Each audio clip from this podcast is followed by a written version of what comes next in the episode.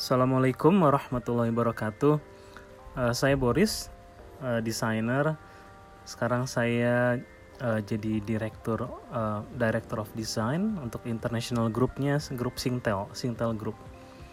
Jadi termasuk membawahi uh, kayak Telkomsel itu termasuk salah satu associates uh, di bawah Singtel. Jadi saya juga uh, nanti bakal ikut ngurusin uh, desainnya di Telkomsel. Termasuk di negara lain jadi kayak ada uh, Airtel di India dan Afrika kemudian AIS di Thailand ada Globe di Philippines.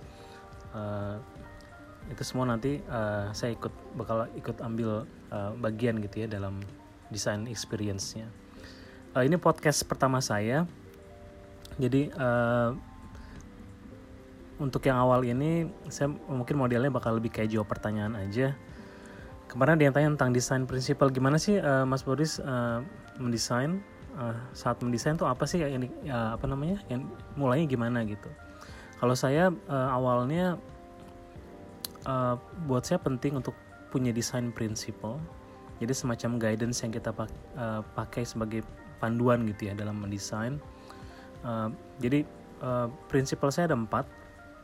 Desain prinsipal saya ada empat. Yang pertama itu uh, saya saya kasih nama uh, sebutannya meaningful ya. Jadi meaningful ini uh, artinya bahwa setiap desain yang kita buat itu bukan hanya tentang tampilan yang bagus atau uh, interaksi yang uh, ini gitu yang paling uh, paling wah gitu tapi meaningful itu artinya adalah solusi yang kita buat itu harus uh, mencari titik temu sebutannya sweet spot antara users, bisnis dan teknologi. Jadi user itu biasanya uh, di, kata yang dipakai itu user desire, desirability. Jadi bisa jadi keinginan, kebutuhan, kesulitan users.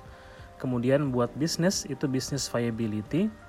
Artinya bisnis itu harus bisa sustain berkelanjutan dan desain yang kita buat bukan cuman um, memecahkan masalah dari si users atau pengguna, tapi juga membantu bisnis untuk tumbuh dan ber uh, sustain ber, berkelanjutan.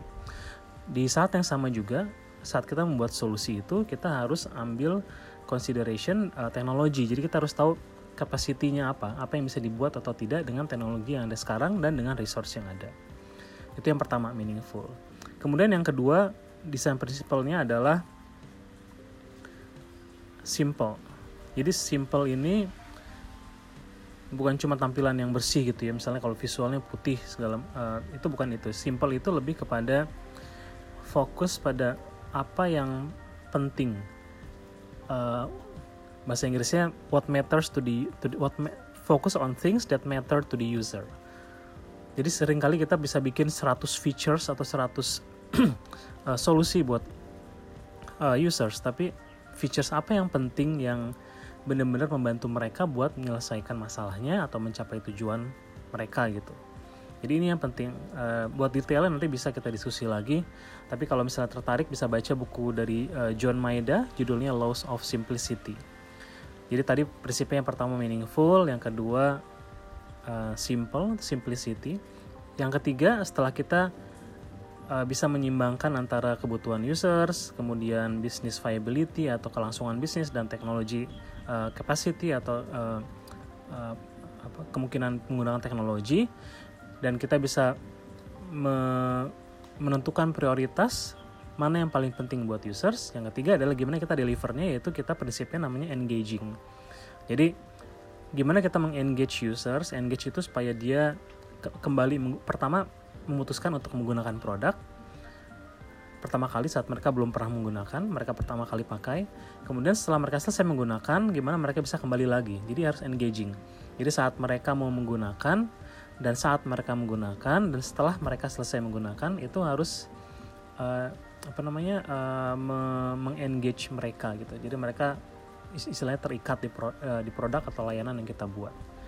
Uh, buat engaging ini salah satu buku yang saya suka itu dari uh, Nir Eyal judulnya Hook dia bilang uh, tentang building a habit forming product.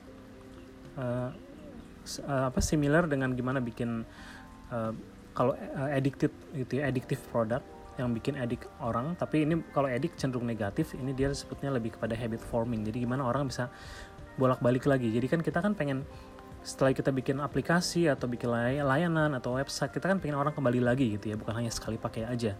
Nah ini si engaging ini adalah fokusnya gimana kita bisa punya strategi yang terstruktur sehingga orang kembali lagi.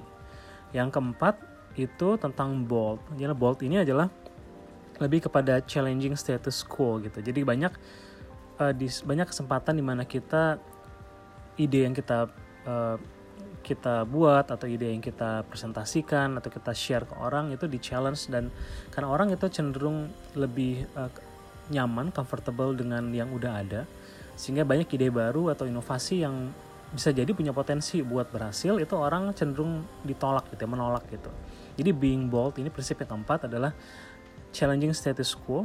Kita punya crazy ideas, ide yang gila dan kita bisa men-challenge status quo, mencoba mencari melihat uh, apa hal yang sama itu dengan cara yang lain. Jadi see things differently. Karena itu salah satu cara buat kita bisa kreatif dan bisa muncul inovat, in, uh, inovasi yang baru. Jadi challenging ideas nggak takut buat mencoba cara baru atau mencoba features baru dicoba uh, dieksperimen uh, eksperimenkan.